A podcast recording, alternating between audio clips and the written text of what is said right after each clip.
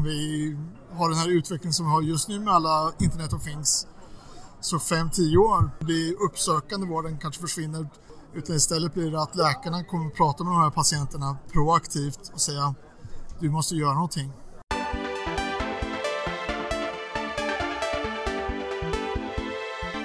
Välkommen till Effekten. Det är här vi optimerar digitaliseringen. Jag är Jonas Jani och står här på 100 grader Karlstad. Jag står här med Carl Fredrik Berglund. Eh, välkommen!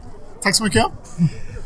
Eh, Carl Fredrik, det här med machine learning har jag eh, ett intresse av att veta lite mer om. Men när jag ställer första frågan kommer du säkert att eh, tycka att jag inte ställer den på rätt sätt. Men vad är machine learning för dig då?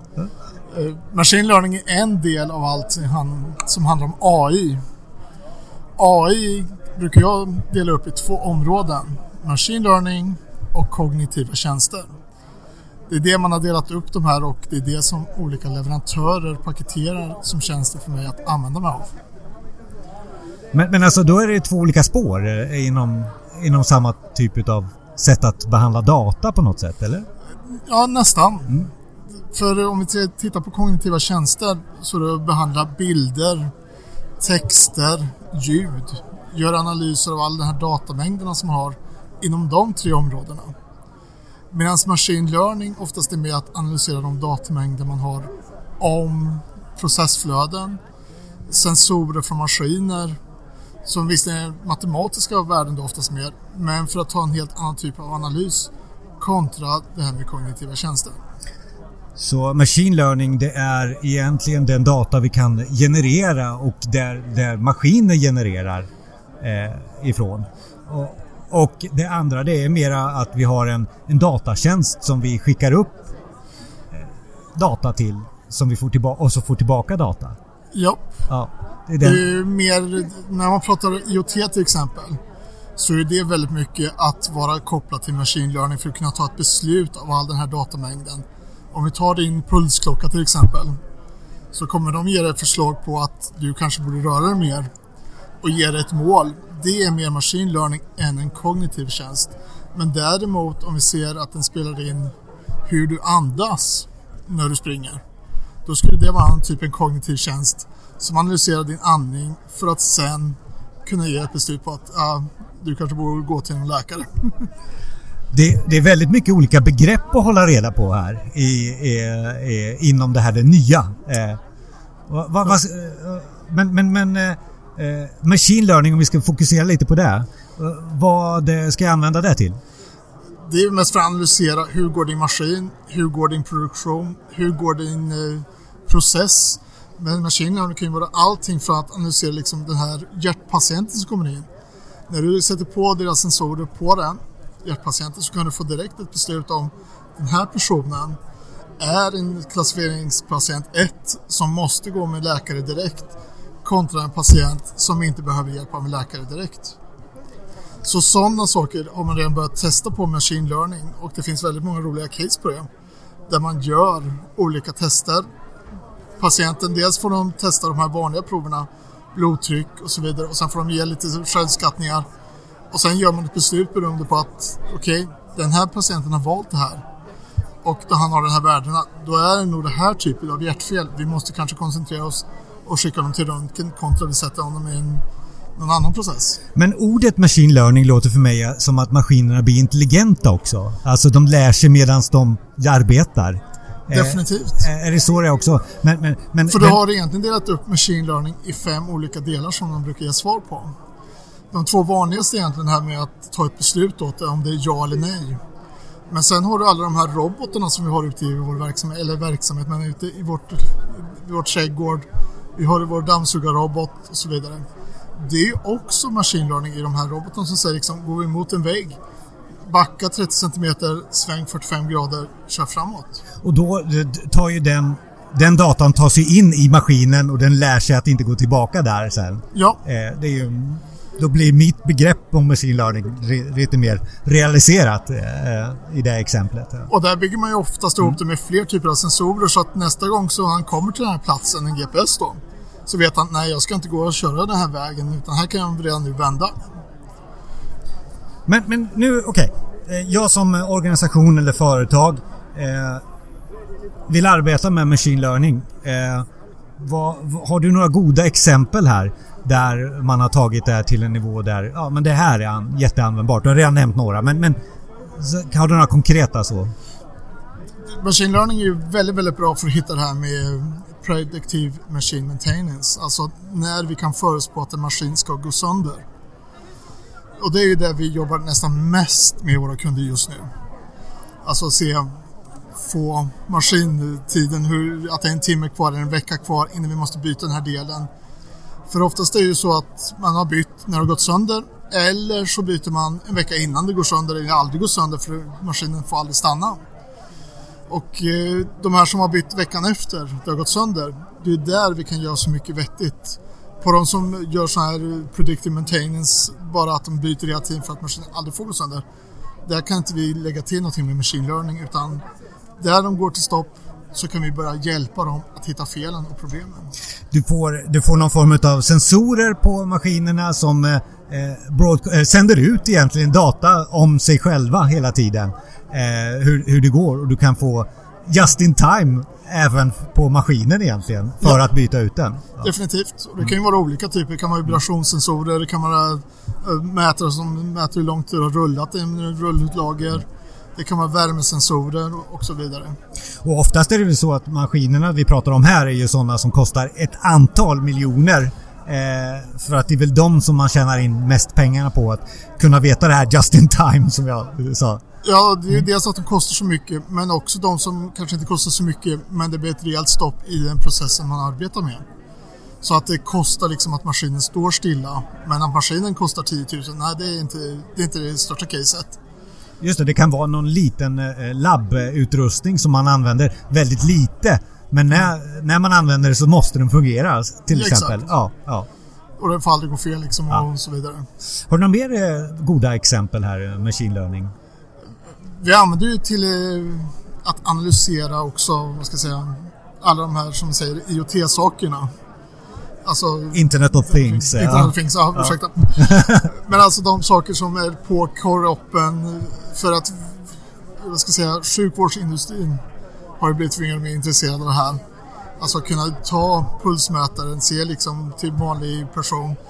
Och sen finns det ju till exempel då bara de här alla typer av blodsockermätare som finns ute i världen. Som också blivit uppkopplade nu. Du har ju också de patienter som har en pacemaker inopererad som också är uppkopplade.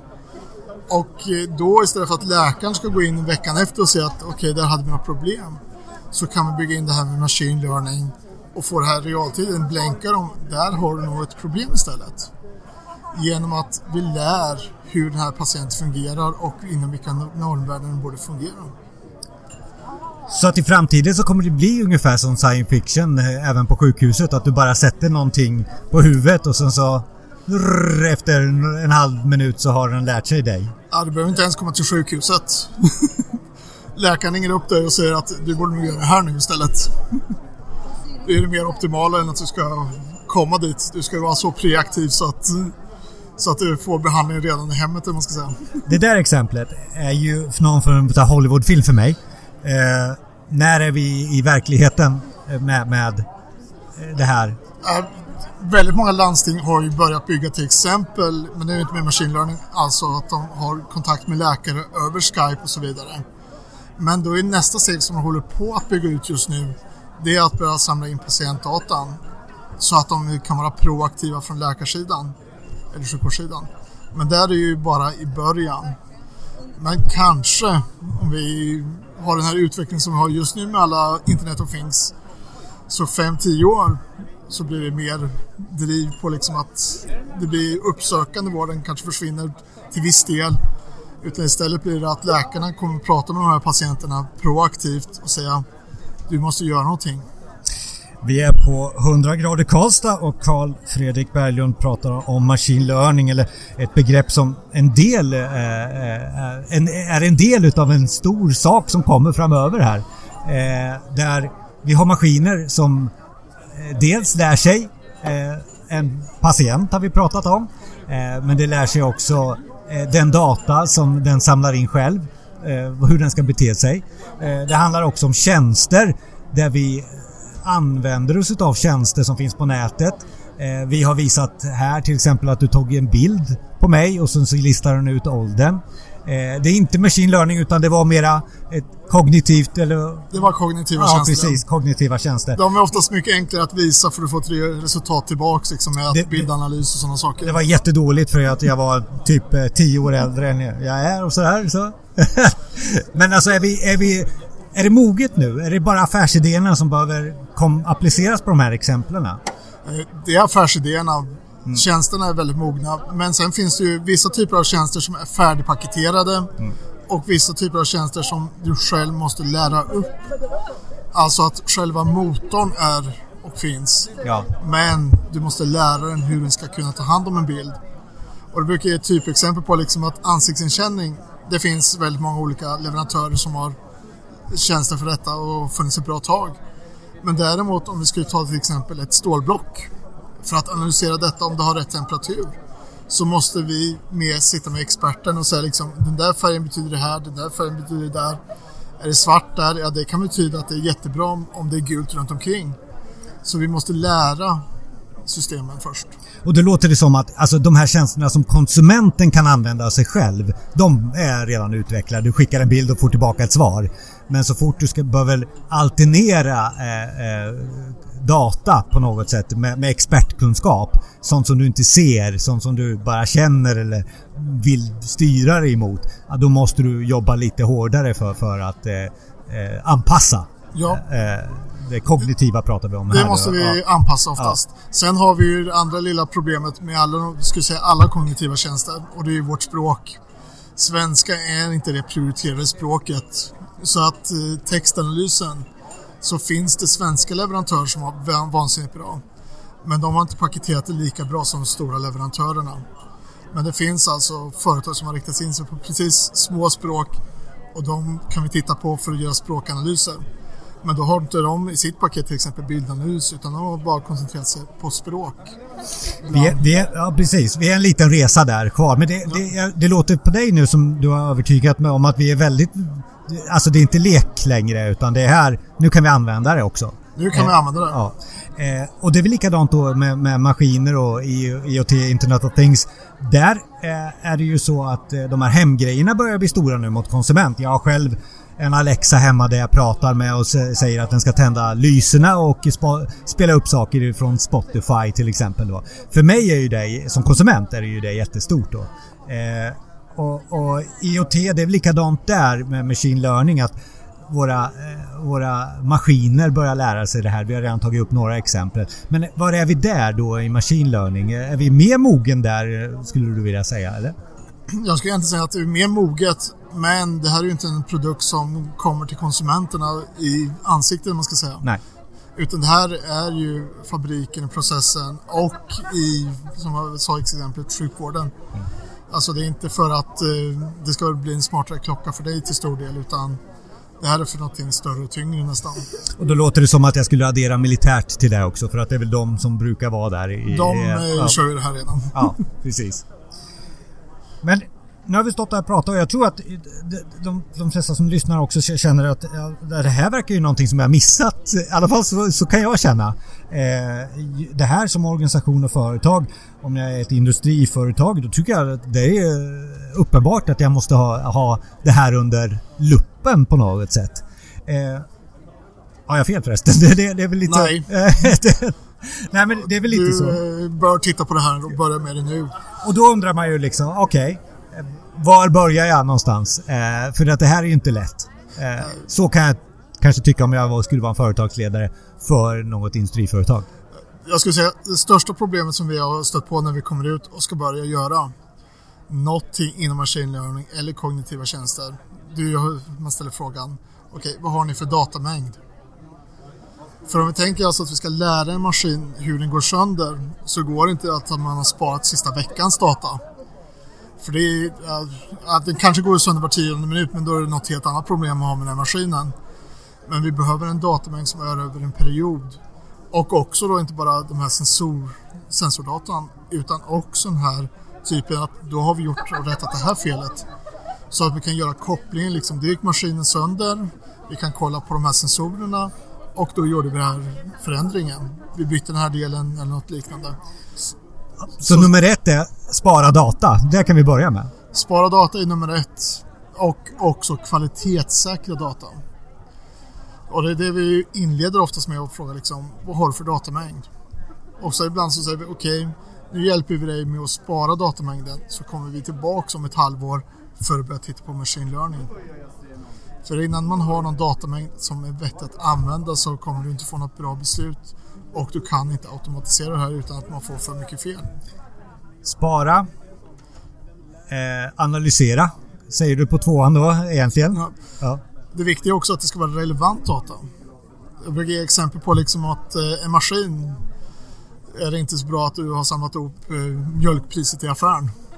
För det har ingenting med maskinen att göra utan det måste vara någonting som är kopplat till maskinen.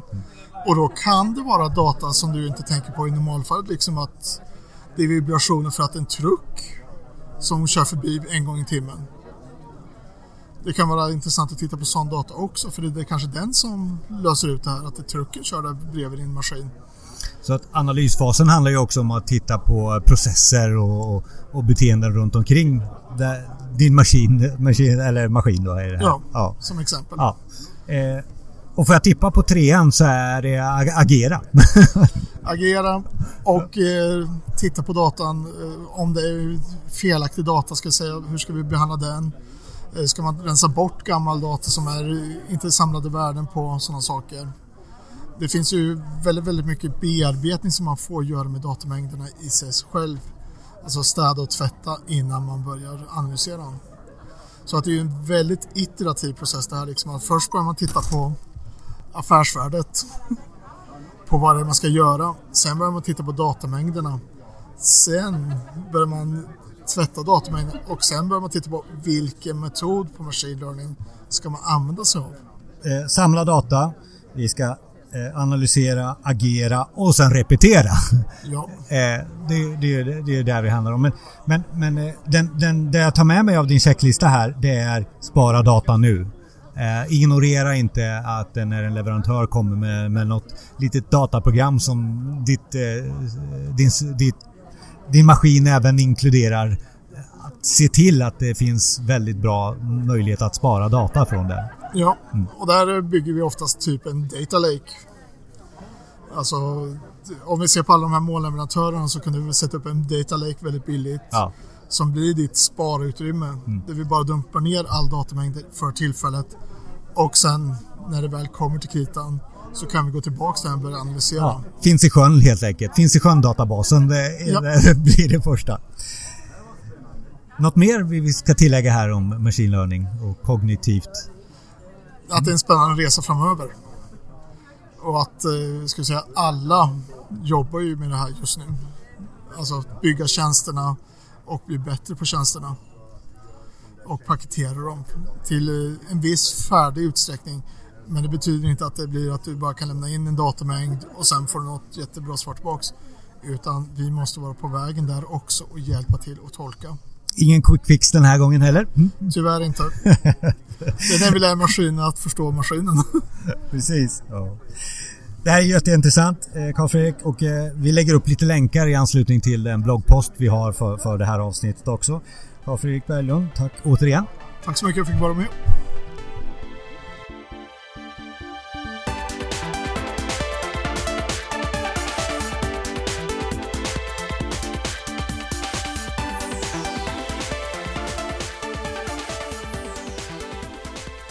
Tack för att du lyssnade.